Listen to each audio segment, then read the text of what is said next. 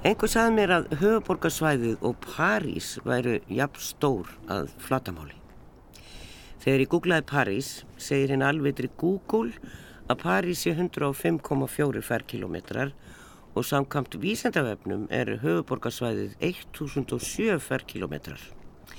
Ég seldi ekki dýrar enn í kæfti. En með okkur í dag eru verkveitsmenn sem að geta kannski upplýst okkur um flatarmál höfuborgarsvæðisins. Þetta tengist umræðefni þáttarins en í dag ætlum við að ræða um borgarlínuna. Fyrirbæri sem að mér heyrist að fólk viti allt og lítið um, kannski vegna skorts á kynningum frá sveitafélagunum eða á því að fólk hreinlega skilur ekki fyrirbærið. Umferðin á höfuborgarsvæðinu er hins vegar eitthvað sem allir þekkja, afar þung og erfið. Svo er spurning hvort við séum að fara rétt að leið eða hvort borgarlínan sé bara hitt besta mál. En þetta eru ekki bara sveitafélagin hér í kring sem koma þessu því að ríkið verður að vera með í spilinu og mér skilst að ríkistjórnin hafi undirritað vilja yfirlýsingu varðandi verkefnið. Með okkur hér í stúdiói eru Hrafgett Proppe, skeipilagsfræðingur hjá sambandi sveitafélag á höfuborgarsvæðinu og Guðmundur Freyr Ulvarsson, samgönguverkfræðingur og profesor við Háskóla Íslands. En við byrjum með Lilju Guðriði Kallstóttur, samgönguverkfræðingi og verkefnastjóra hjá Reykjavíkuborg.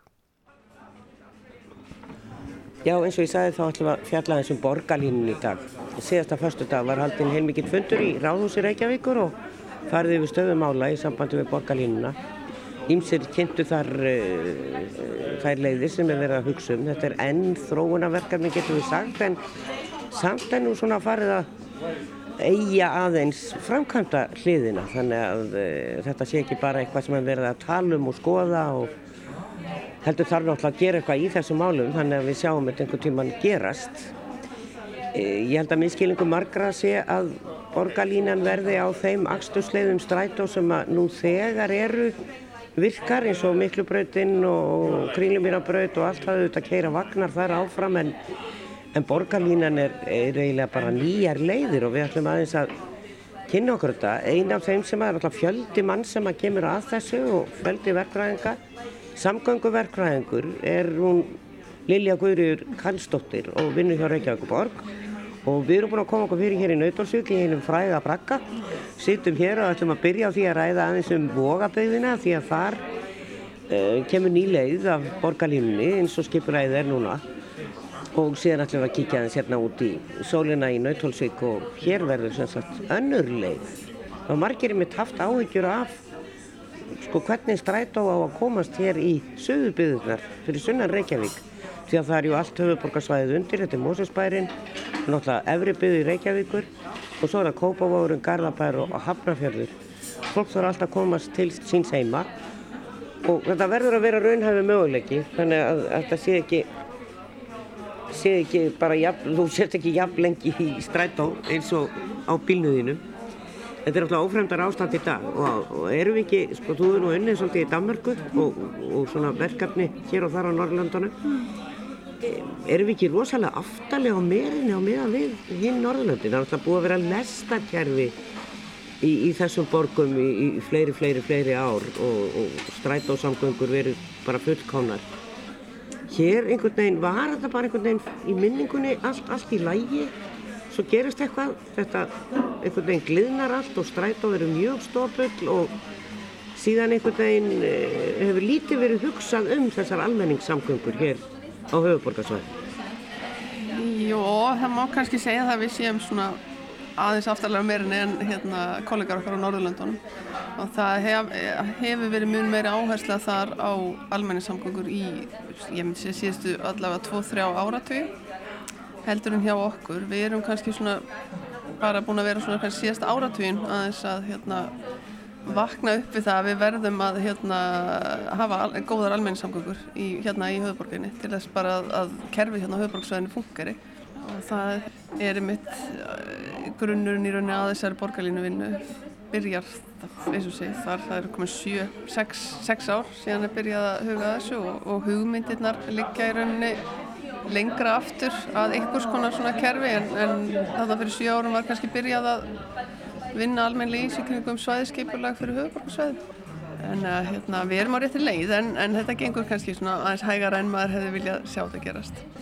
En svona reyn, af reynsluðinni í vinnu úti við svona verkefni þá er þetta náttúrulega því þetta er til framtíðar mm.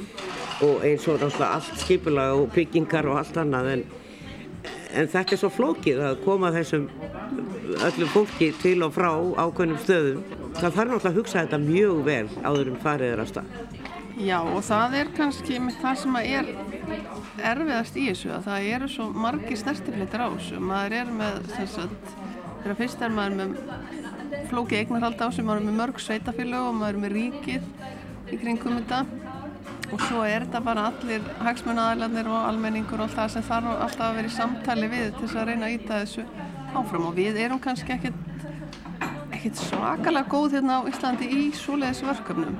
Við höfum að sjálfsögðu stað í stórum framkvæmdum upp á, upp á hérna hálendana slíkt þannig við höfum reynslu af því en, en þetta er svona aðeins annars eðlist þú ert komin inn í, í hérna þéttbílið og hérna þarft að taka tillit til sem þessar snertir og svo líka í umhverfunu sjálfu. Þú getur ekki bara haldið áfram með að það er þessi samgöngumóti sem þú ert að hanna fyrir án þess að hugsa um allt hitt. Því þú ert með gangandi vegfærandur og hjólandi vegfærandur og þú ert með bílana og þú ert með hnútpunktana sem þetta allt er að mætast og þá byrjar að, þú veist, hver, hver á að hafa efsta forgang að vera fyrst í rauninni og fólk er ekkert alltaf alveg sammála um það og þá er hérna þarf maður að vera með svona ferli í kringum það hvernig maður vinnur áfram að svona verkefni til þess að bara hjóli ekki alltaf í samu tjólfurum og þar eru Norrlandabúinni nú svona töluvert betra en við myndi ég segja. Og það er mín reynsla að vinna með ég vann í Danmarku í hérna nokkuð mörg ár að það er svona það sem ég finnst að vera helst í munurinn hvað danir eru rútínir í svona langtíma skiplagsverkefnum og það helgast náttúrulega sannlega miklu leita að því að þeir eru búin að fara í gegnum mörg verkefni og eru kom, komni með reynsluna þannig að þegar þeir voru að byrja sínu fyrsta verkefni fyrir einhverjum tugum árum síðan þá hérna, getur maður alveg ímynda sér að þeir hafa staðið fram með fyrir sömu vandamálum og við erum auðvið núna. Umfæraminstöðin, eða BSI eins og við kallum það nú vanalega, þar verður svona aðal eh, samgöngu stöðin og eh, fyrir alla strætisvagnar og annað við erum ekki langt þaðan það er svo margi sem sjá þetta fyrir sig þannig að, að strætó að það er bara að breyka götu til þess að setja strætó í, í, í forgang og annað. Það er náttúrulega verið að byggja en að spítala þar núna líka.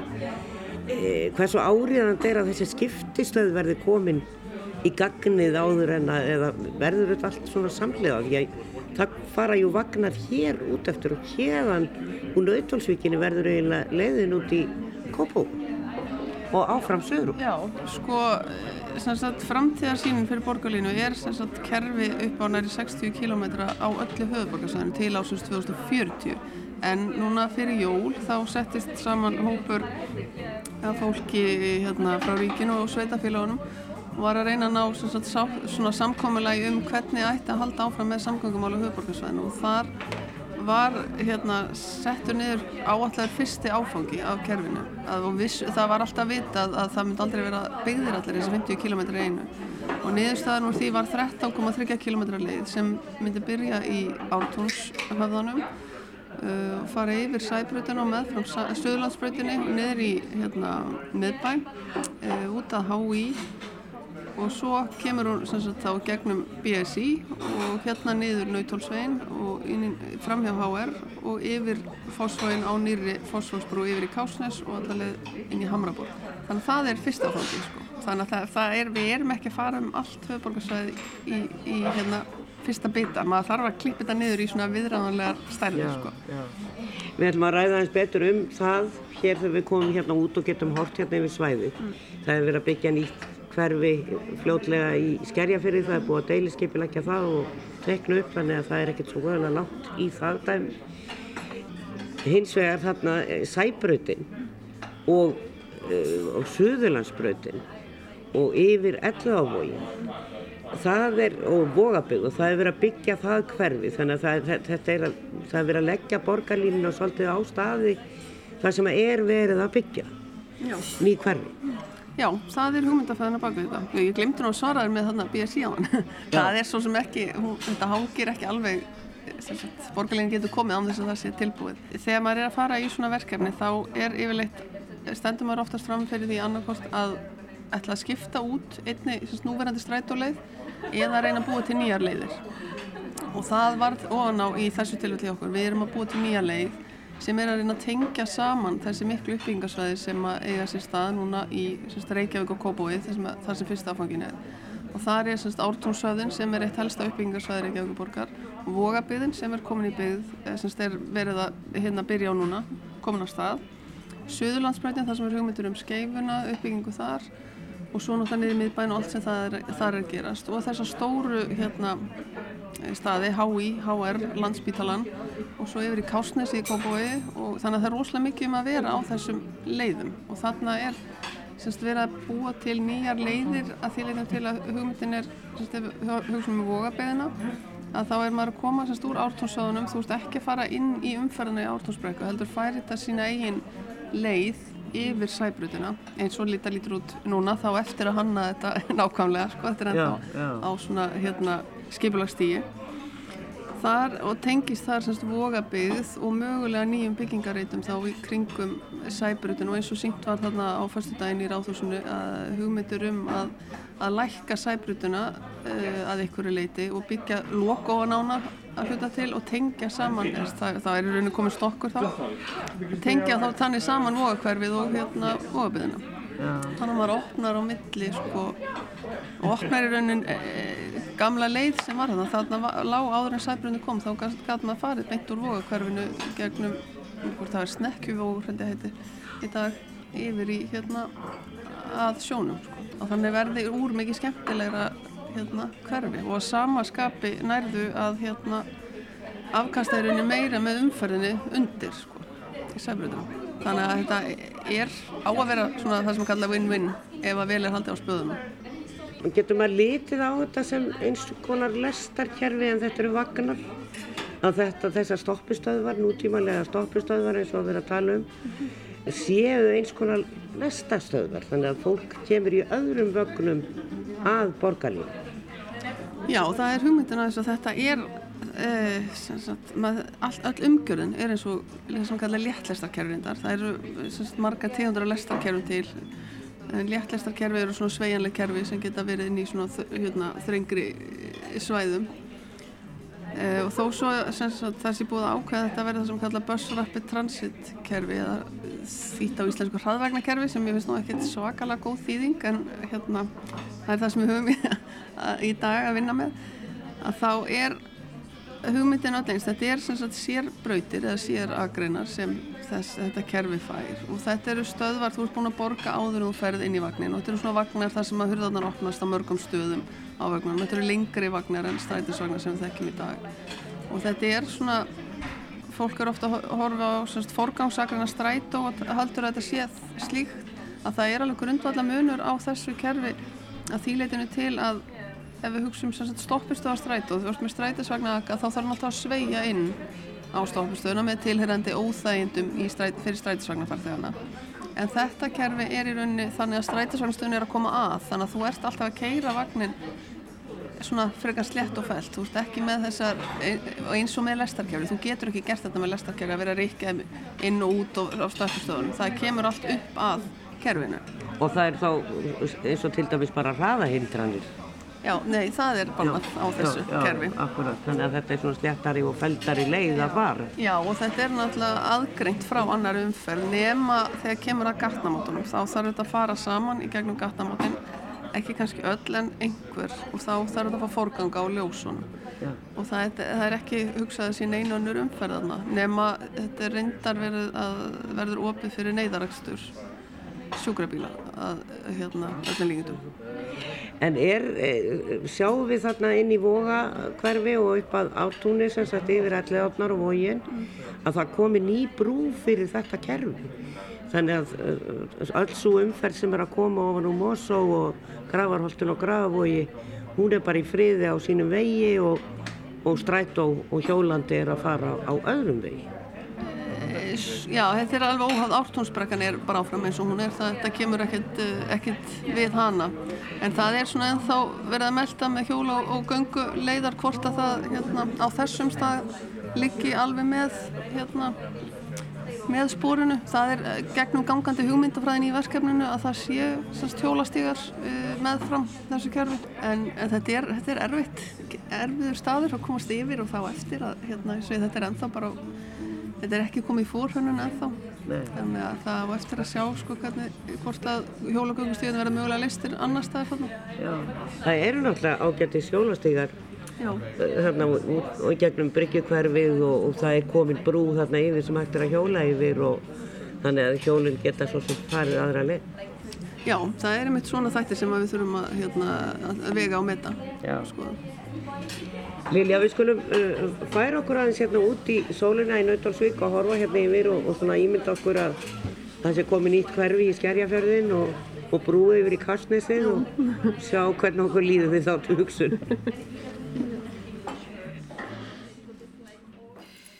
Já, við býðum aðeins með það að fara út með Lilju Guðriði og heilsum upp á Guðmund Frey Úlvarsson, profesor við Háskóla Íslands og Rappgil Proppi frá Sambandi Sveitafélag og Höfuborgarsvæðinu. Velkomnir. Kanski fyrst að því ég var nú að tala um hvað höfuborgarsvæði var í stórt mm -hmm. og, og Reykjavík er náttúrulega tegið sig allar áttir og alveg upp í kjós.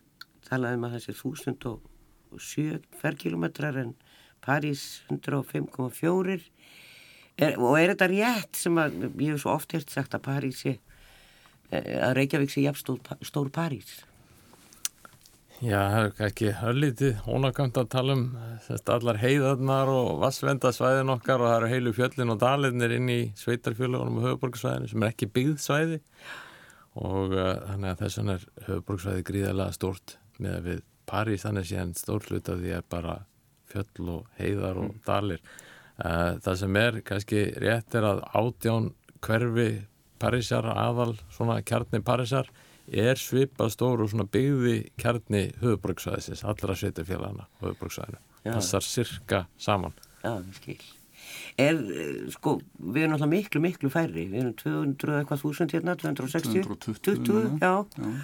Og, og það eru rúmlega 2 miljónir eða ekki í París á þessu svæði og miklu fleira borga í samgöngunar. Er þetta búin að vera höfverkur ykkar sem er að vinna við þetta? Jú, vissulega og við höfum líka, sko, hvað sem undanfanna áratögi verið að gefa okkur meira olbúðarífi eila eh, per einstakling á höfuborgsvæðinu. Við vorum hérna, uh, það er þessi byggðikjarni, getur við sagt, sem, sem mynda sko borgar hluta höfuborgsvæðisins, að hann er svona einhverja réttæpir 60 ferrkilometrar í dag.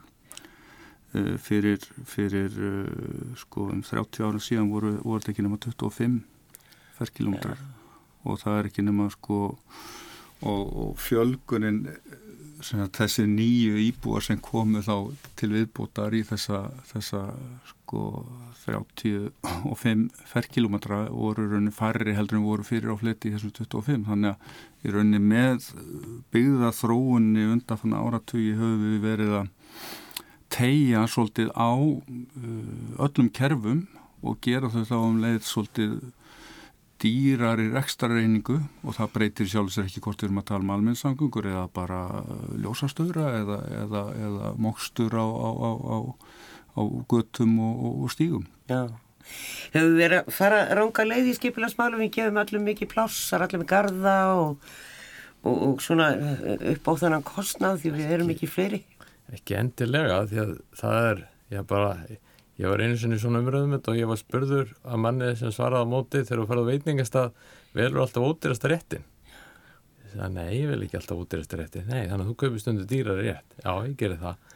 Það er raun að sem við erum að gera. Við erum búin að kaupa aðeins dýrari lífsgæði með því að hafa starri hús og meira pláss og meira rými kringum okkur. Þannig að það kostar meira en, en það er öðru vísi heldur en við varum okkur öllu pakka saman í nokkra blokkir í miðbænum sem væri alveg hægt ef við settum mikið þannig bara eins og að vera í Hong Kong þá var þetta að pakka okkur tölvert þétt saman en það er bara öðruvísi lífstíl, öðruvísi lífsskilir þannig ég, ég myndi ekki segja raungleið eða réttleið, þetta er bara það sem fólk valda að gera og, og við höfum borgað fyrir í raun og veru. Já, eins og í Hongkong þar sem að fólk kemur bara aldrei nýra á jörðina, það gengur bara brúm ykkur staður upp á tíundar.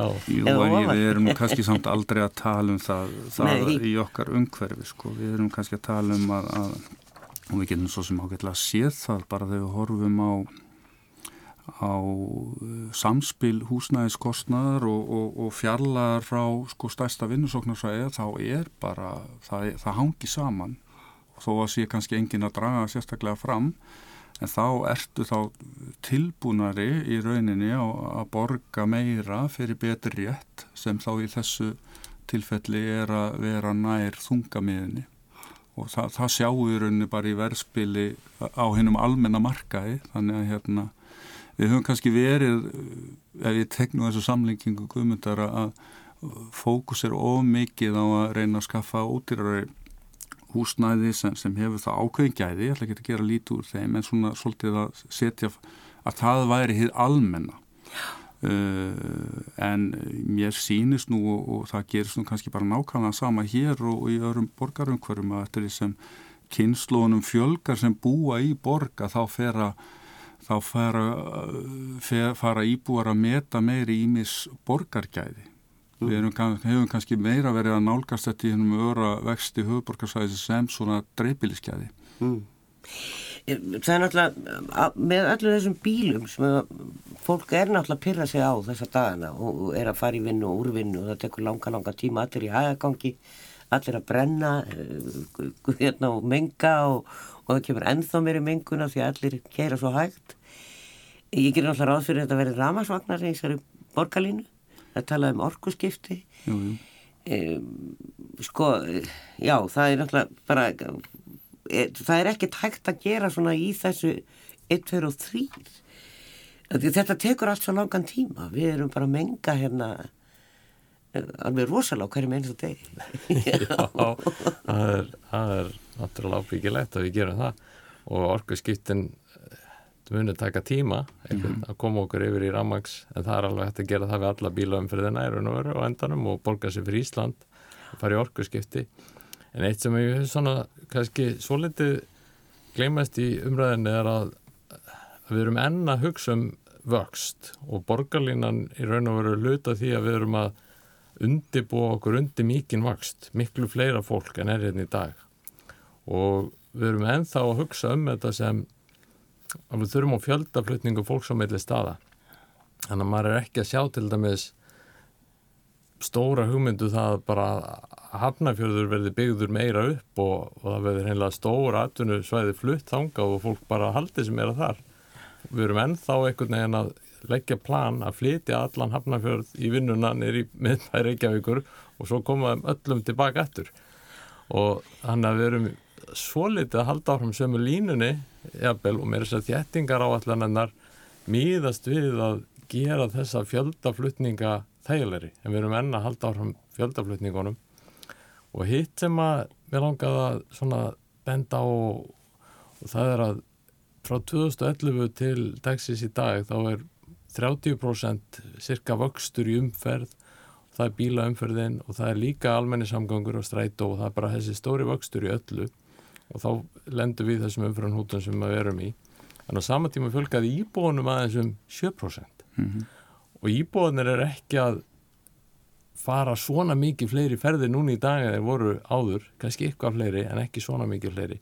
Þannig að það er eitthvað annað sem bættist við og þá erum við kannski svolítið að gleima ferðamennun tvær miljónir manna sem komið til landsins og uh, þannig að að háanatímanum þá eru jafnmæri ekki ferðamenn á landinu og íbúar, jafnvel fleiri ferðamenn og íbúar, þeir eru í bílum bílalegubílum eða í legubílum eða í strætó eða í hóperaðbyrjuðum þetta er stór hluti af umferðan hlutnum okkar, reynlega hann ef umferðin hefði bara aukist um 7% undan fyrir nár, eins og íbúafjölgdin mm. þá væru við ekki neinu vandræðum við þurftum ekki að bæta neinu við og, og það væri ekki þessi umferð að teppa Þannig að maður svona svolítið spyr sig, er, ísles, er íslenski skattgreðendur tilbúinir að setja marga miljardar í að bæta samgöngur til þess að bú í hæginn fyrir enn frekari vöxt ferðamanna og innflutningsfólks utanfrá, það er svona spurningin. Mm. Þegar hitt sem við sjáum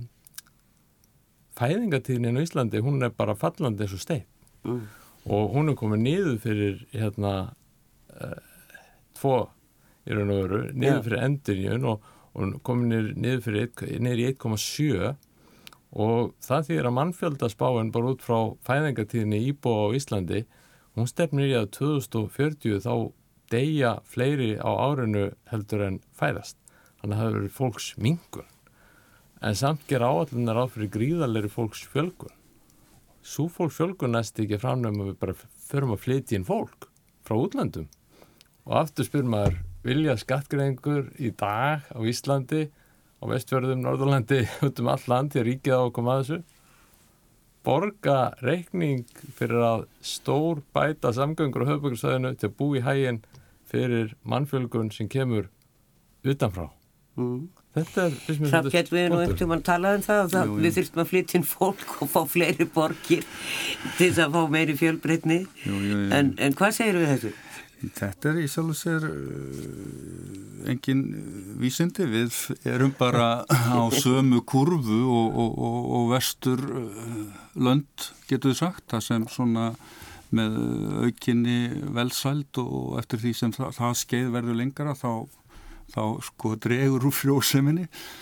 En, en uh, á sama tíma er rauninni að aukast, aukast segja, aðflutningur fólks og það er alveg sama sem er að gerast hér og hefur gerst á öðrum vestanum ríkjum sko. þannig að það er svo eru við náttúrulega með an, aðra dýnamík líka út af því að við erum ekki lengur með vistabandakerfi eða slíkt að fólk er frjálst fara og, og, og, og það er ásókn í borgarumhverfi og þannig að það er líka einhver uh, drivkraftu fyrir en við getum sagt að Suðvesturhóttnið er ákveðin segull bæði þá eh, hefur verið innanlands getur við sagt eh, nánast alla síðustöld og svo hérna eru við líka orðin svona ákveðin segull borgin í, í þessu alltjóðlega umhverju þannig að þetta er ég held að það væri ákveði glabræði að við myndum ekki gera ráð fyrir að svæðið myndi vaksa því að, því að það er að vaksa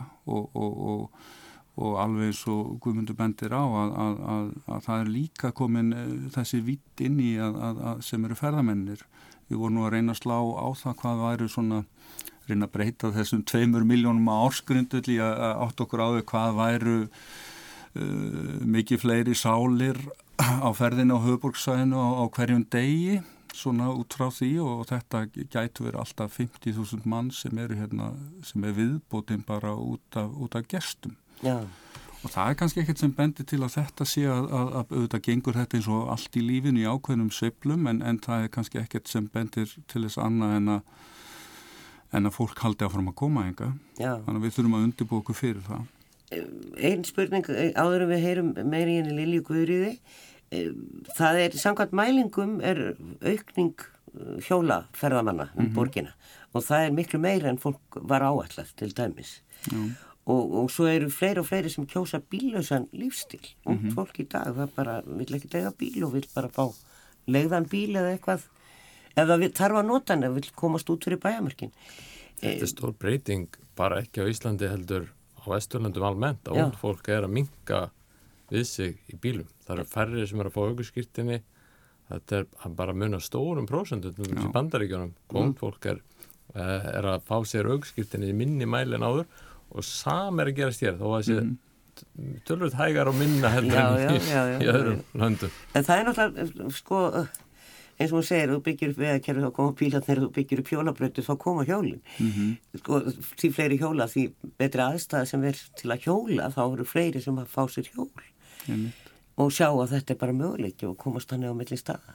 Og flesta daga í, í rauninu þeir sem veru döglegir að vera út í kulda og trekki er hægt að hjóla í Reykjavík? Er, e... Starð borgarinnar er þannig að það er hægt að komast allt á hjóli Já. þannig að fyrir hjólafólk þá er þetta mjög þægileg starðarlega séð. Það er hægt að komast allt og svipið um hraða og raun og umferðin sko. Tala náttúrulega um að þú komið á ramasjóli eins og ég það er ekki bilding, þá hætti líka mótundunum sem er nú alls oft í okkar lífi að skipta máli Við verðum sko. bara komin á ramasjól Vindurinn er leðilug en við skulum fara aftur nýri í Nautalsvík og fylgja í fylg Lilju Guðriða Karlsdóttur og, og fara í smá ímyndunarleik Já, þá eru við komnar hérna aðeins út fyrir braggan og það er eiginlega bara blanka lokk hérna núna og svolítið kvast á hann. En e, sólinn skín, það er vetrar, veður ennþá hjá okkur hérna í, á höfuborgarsvæðinu og held ég meira að minna á öllu landinu. Og maður svona að hugsa til þess að hér aðeins í einhverju framtíð verður brú hérna yfir og á Kásnesið og þar er nú verið að byggja heila nelling margir kranar hérna á móti og, og rýsa þar nýtt hverfi og e, það er menningin að strætó getur keitt yfir þessa brú en ekki bílaumferð. Hjól, gangandi og strætó. Síðan er verið að byggja hverfi út í flugvallin, við gamlu uh, oljustöðina þar niður frá. En ég átta mig ekki alveg á því hvort að flugbröti næra alveg þarna niður eftir eða hvernig það verður verður Lilja, hægt að keira sagt, strætó úr skerjafyrði og á þetta svæði, hvernig, hvernig er það? Verður tenging þar á milli? Já, það er sagt, verður eh, mögulegt, þetta verður sagt, strætóbraut hérna niður og svo brú yfir og hérna síðan getur strætó komið úr þessari nýju fyrirhugðu byggði í skerjafyrði og þá hérna tengst borgarlínu eða þá haldið áfram líka á brúnu. Já. Ég hef heyrt á fólki sem að þarf að komast í Garðabæin á eftirmiddegi úr Reykjavík klukkan 5, 4, 5 að það er alveg upp undir einn og halvan tíma í strætó og ég svona sjálf búin að einhvern veginn að hugsa mikið um hvernig ósköpunum alltaf er að koma strætó í Kópavógin og þetta er náttúrulega bara leiðin að þarna verður ný leið.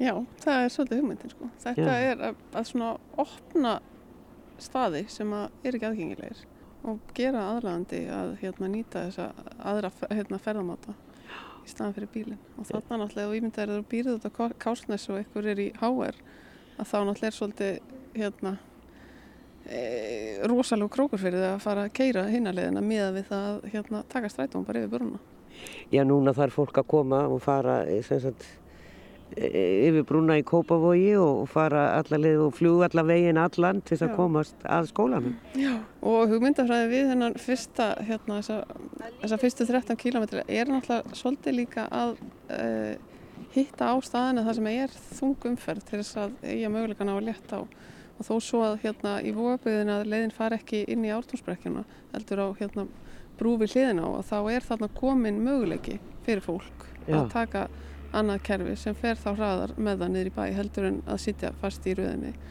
og það er mikil umferðartækpa hérna fljóðallega, þetta er einn vestir staðurinn hérna í, við fljóðallavegin á höfuborgarsvæðinu að þá er hérna komið líka nýrvalmöguleiki fyrir fólk.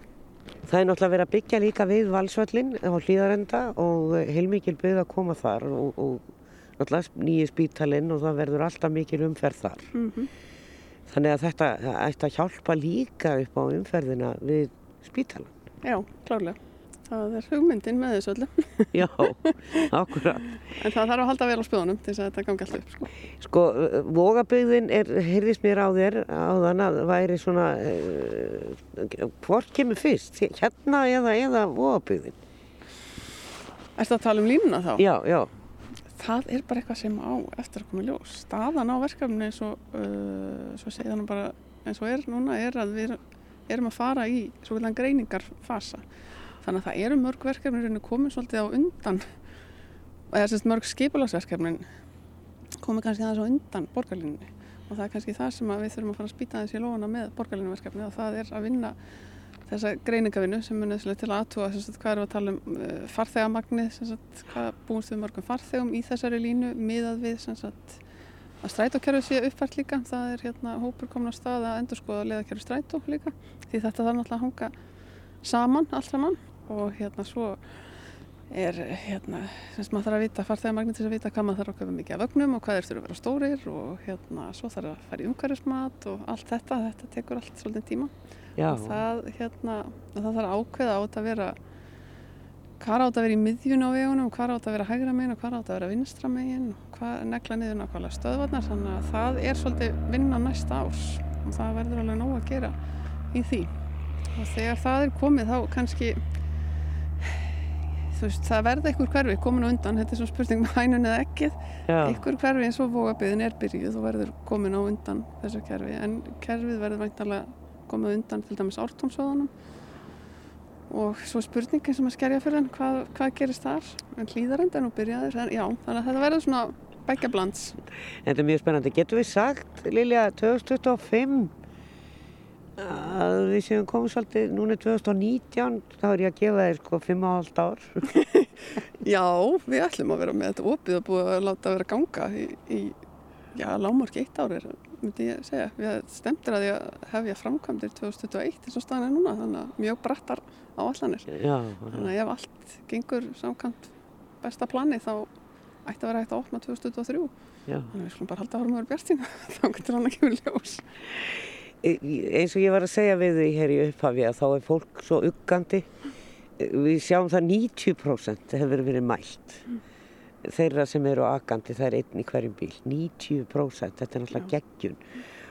Og fólk er bara einhvern veginn þetta kostar ósalega mikinn pening og svona samanburður á því að þú hefur verið að vinna svona stór verkefni úti eh, kannski ekki alveg svona stór, ekki heila borg kannski, en ég veit það ekki. Svona kynningar eh, hefur borgið verið nógu duglega að kynna þetta þannig að fólk skilji svona bara á, hvernig áfanga og um hvað er verið að tala Mm, Nei, ég verð nú eiginlega bara viðkynna við um kannski ekki alveg verið nú duglega í því. Það bara helgast svolítið mikið af því það bara vantaði mannskap í, í þetta mál og við kannski vanmátum á mörguleiti e, þörfina fyrir hérna, kynningamál. Það hefur reynda verið mjög margir opnir fundir og annað slíkt en, en það kannski er oft helst fólk sem er fyrir með áhuga á samgöngumálum sem að ratar inn á þá fundi.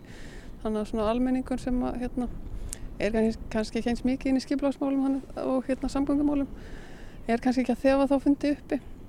En það er klárlega eitt af því sem að verður eitt megin hérna atrið núna er hérna samskiptamálin og kynningamálin.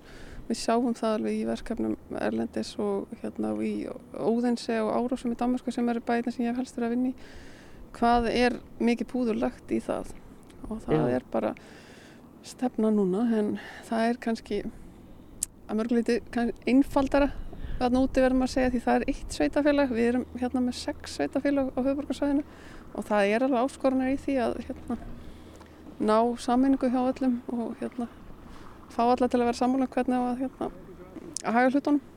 en svo heyrir maður ekki annað á bæjarfélagunum en að það er sér allir spennti fyrir því að þetta fari bara á stað og verði klárað og, og bara eins hratt og hægt er. Annað sem ég heyra á fólki er að, að, að sko við höfum ekki hér er alveg auð jörð á hjólabrautinni það eru greinlega hítalagnir hérna undir þessu. Já, þegar ég var að fjalla um óabyggðina var mér sagt að það væri ekki gert í skipulæginu, í deilisskipulæginu gert ráð fyrir hitalögnum þar yfir samt mjög gönguvætt hverfi. Og við erum náttúrulega með snjó og hálku, alveg stóran hluta ársins e, og, og fólk þarf náttúrulega að komast á milli. Því að þetta er, náttúrulega, þetta er, borgarlínan er bara eins og ég segi eins konar lestastöðvar maður stefnir þangað, maður ætlar að fara hínum meginn í borgina.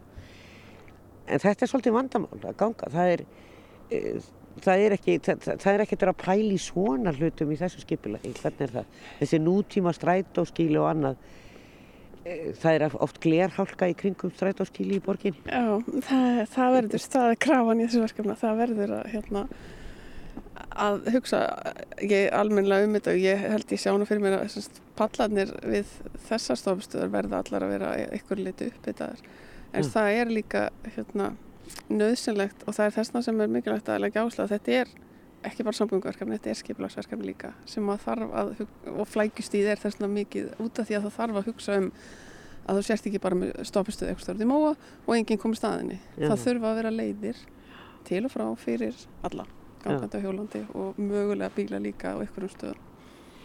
Þannig að allt í þessu stóra svæðaskipulagi höfuborgarsvæðisins það er regnan þarna þjættu við, þarna þjættu við, þarna fyrir borgarlínan. Já. Þannig að þetta hangi allt saman saman. Já, það er planið, svo verðum við að sjá hvernig það gengur. Þau eru þrjú sem að eiga hérna líki yfir þessu núna næsta árið. Sko, já, við erum svona þrjú sem eigum að stýra sem enn sem komið er en það mun, ger ég fastlega ráð fyrir, vaksa í þeim hóp en svo er þetta auðvitað líka mikið af þessu er sett bara í útbúð semst, og það eru verkvæðistofunar og arkitektstofunar það sem vinna mikið af semst, greiningavinnun og hönnunavinnun og annað slíkt. Það er ekki hu- hugmyndin hjá okkur að byggja upp okkar einn verkfæðstofu eða okkar einn arkitektafyrirtæki í kringum þetta. Nei, hjá borginni eða sveitafélagunum, nákvæmlega. Og þar með hverju við Lilju Guðri Karlsdóttur samgöngu verkfræðing hjá borginni og höldum áfram hér með Rappkalli og Guðmundur Frey og þurfum miklu meiri tíma. En við komumst yfir eitthvað. Það er búin að nefna eignarhaldi þarna nokkur sinnum og þú nefndir að Guðmundur og þetta er náttúrulega sveitafélaginn, þetta er Reykjavíkuborg mm -hmm. og svo finnst mann einhvern veginn eins og nýra á þingi að við menna ekkert verið að spettir og svona nánast verið að gera grína þessu. En það er samt búið að skrifa undir einhverja viljulíf. Ég meina það, þetta er unni samgöngu sem var samtíkt á alþingi 7. februar eða maður rétt Eh, að, að hún er hérna bara setur verkefn, undirbúinsverkefnið á dagskrá mm. að, að, að eh, vegagerðin er rauninni ætlað að eigða talsveru í að undirbúa framkvæmdirnar og það þó skilir þannig að, að sveitafélagin þá mæti vegagerðin í því og það er þessi hópur sem Lilja var að vísi sem er, er svona í, í að móta það verkefni allt saman og á sama tíma segir þá í eh, sömu samgangu áallun sem eru annars eða 5 ára og hins vegar 15 ára að, að, að ríki og sveitafélagin alltaf ljúka samningum um, um, um fjármögnuna núna á, á þessu vori ja. Og það að svo að skila sér í nýja fjármála áallun og, og, og endur nýja samgangu áallun sem verður gerð næsta höst og annars sem er, svona, þarf að setja einhverja laga umgjörð utanum. Já. Þannig að þetta er orðið miklu meirinn bara viljaauðvilsing, myndi ég segja. Já. Við komumst ekkert út á landsbyðina í þættinum í dag en þar er líka búið að segja upp öllum samlingum og annað þannig að ferðamáti utan að landi og út á land í öðru en engabíl eða bílalegu er mm -hmm. Gæti orðið með sér þannig að þú verður að nokkur taka flug eða bílalegu bíl og það er dýrt. E, þannig að það þarf að leysa það vandamál líka og það kemur kannski á eftir þessu. En e, miðbærin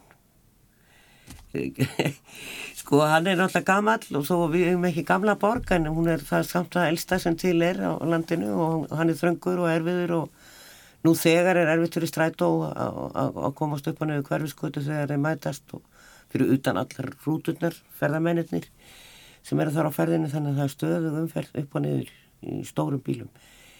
Hvernig, hvernig sjáu ég þetta og alla þá núta sem koma ljós og, og annað? Þetta er þetta er svaka verkefni.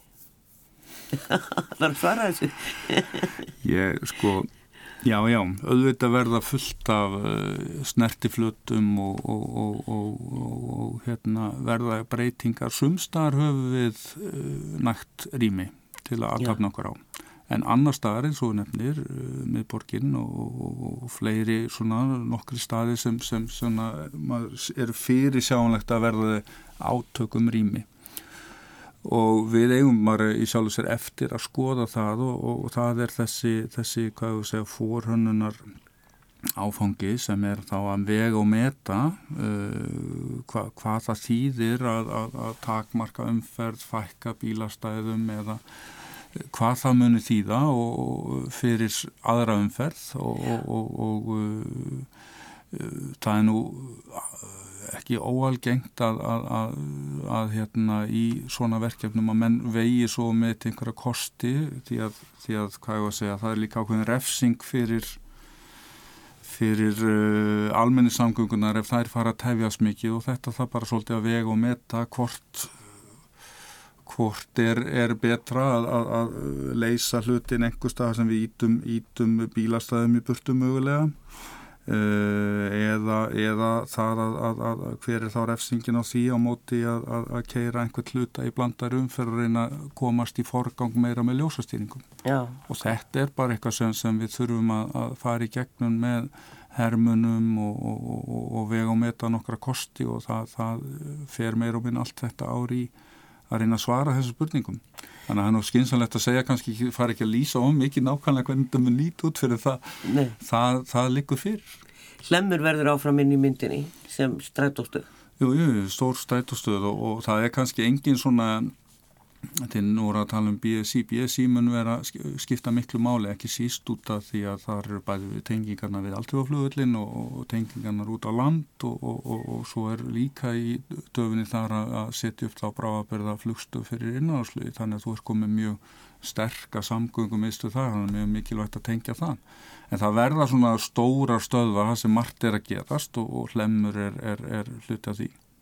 Hamaraborgin önnur Já, nákvæmlega. Mm -hmm. Guðmundur, það eru margir sem að tala um sjálfkeirandi bíla og segja bara uss borgarlínan, það verður að koma, koma sjálfkeirandi bílar þegar þetta verður bara splungun ítt og þá verður þessi borgarlína óþörf. Hvað segir þið þannig í háskólanum um framtíðina? Já, það er nú vandi að spá eh, um það. Sjálfkeirandi bílar munur nú líklega ekki vera búin að leysa málið á 2030, það er náttúrulega alveg ljóst. Um, telum aður. En hins vegar getur þróunin það er gert hraðar en maður bjóst við. Árið 2000 þá vissi enginn að við hvað, hvað snjálfsými er. En árið 2007 þá, þá var hann bara ábúið að breyta heiminum. Já. þannig að við vitum ekki alveg náttúrulega hvað gerist með sjálfkefndi bíla. En á laungum tíma þá geta þeir örgulega haft gríðilega áhrif ef að þeir leiða til þess að myndist deili bíla hagkerfi mm -hmm. þannig að fólk hætti að eiga sin eigin bíl og það getur gæst með sjálfkærandi bílum að stór hluti fólks hafið þá ekki lengur þörf fyrir að eiga bíl því að hann, núna sittur bílið minn hérna brútt á bílastæði. Já. hann er ekki að gera neitt. Hann Já. geti verið að ferja ykkur aðra sko ef það var sjálfkærandi komið svo náðið mig þegar ég ætla Já. að fara eitthvað það, það er þannig sem að það næst þessi mingun á bílaeign. Og, og það er náttúrulega svolítið langt í það. Hins vegar er eitt sem maður hugsa um að, að að strætókerfi eins og borgarlínan er til þess að ferja mikið af fólki en hún samt ferjar ekkert svo mikið af fólki ef við reiknum upp tölunar í raun og veru. Þá, þá hún er að fær hann er þetta er ansi dýrt kerfi til þess að flytja fólk samt það þarf að byggja upp miklu einviði og um, götunar fyrir þetta verða að vera uh, sterkar því þetta verða mjög þungi vagnar að tala um hvað hundra manns hugsanlega í einu vagnni en nú veit mhm. maður ekki hva, hvernig notkunnin verður en þeir ætti að geta tekið það. Og það er hansi mikið en tíðunin síðan er 5-10 mjöður talað um. Og við segjum að það var á 5 mínúna fresti 100 manns. Þá er það 1200 manns sem fara leiðina klukkutíma.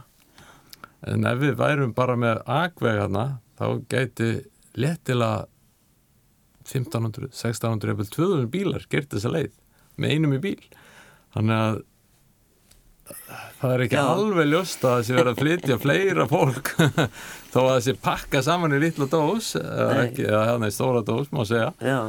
þá, þá uh, verður að standa þar væntalega, það er ekki sæti fyrir hundrað, þannig að þetta er svolítið öðruvísi bara eins og ég segi, þetta er öðruvísi lífstíl þetta er öðruvísi sem þetta er bara öðruvísi leið til þess að, að ferðast. Þetta er ekki þetta er ekki, þetta er ekki tíu sinum fleiri sem er koma sömu leiðina í raun og veru, þetta er bara svipa margir og hugsanlega færri.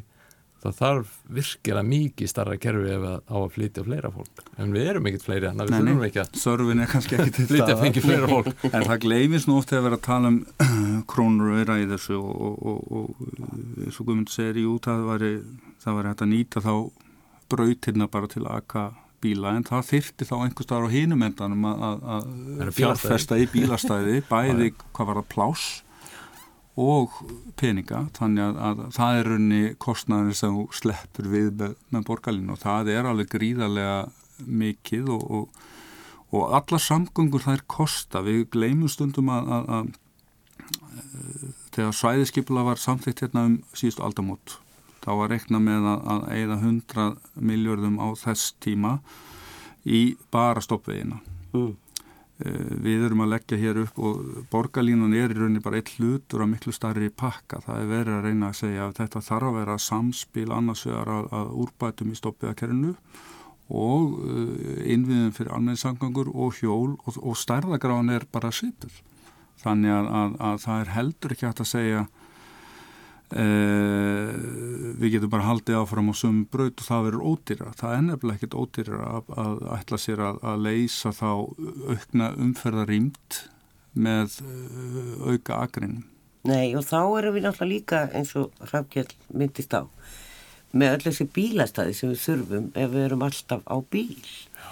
og þau eru fjandi dýr. Þau eru ansið dýr og, og á stundum má segja svolítið vannýtt svæði, mm -hmm. þannig séð, ja, allavega halvan solaringin, þá er engin í þeim, uh, einhverjum er rann að það er svona vandið við bílastæði en, en ég held að þess að hámarks nýting fáist á kerfins og borgarlínuna þá kallið þá tölvöld mikið bílastæðum og eins og til dæmis ef ég hugsa um endastöðuna sem er í Hafnarfjörði þar myndi ég sjá fyrir mér að það geti verið gríðarlega stort bílastæðahús við borgarlínuna þar með einhverjum þúsundu stæða.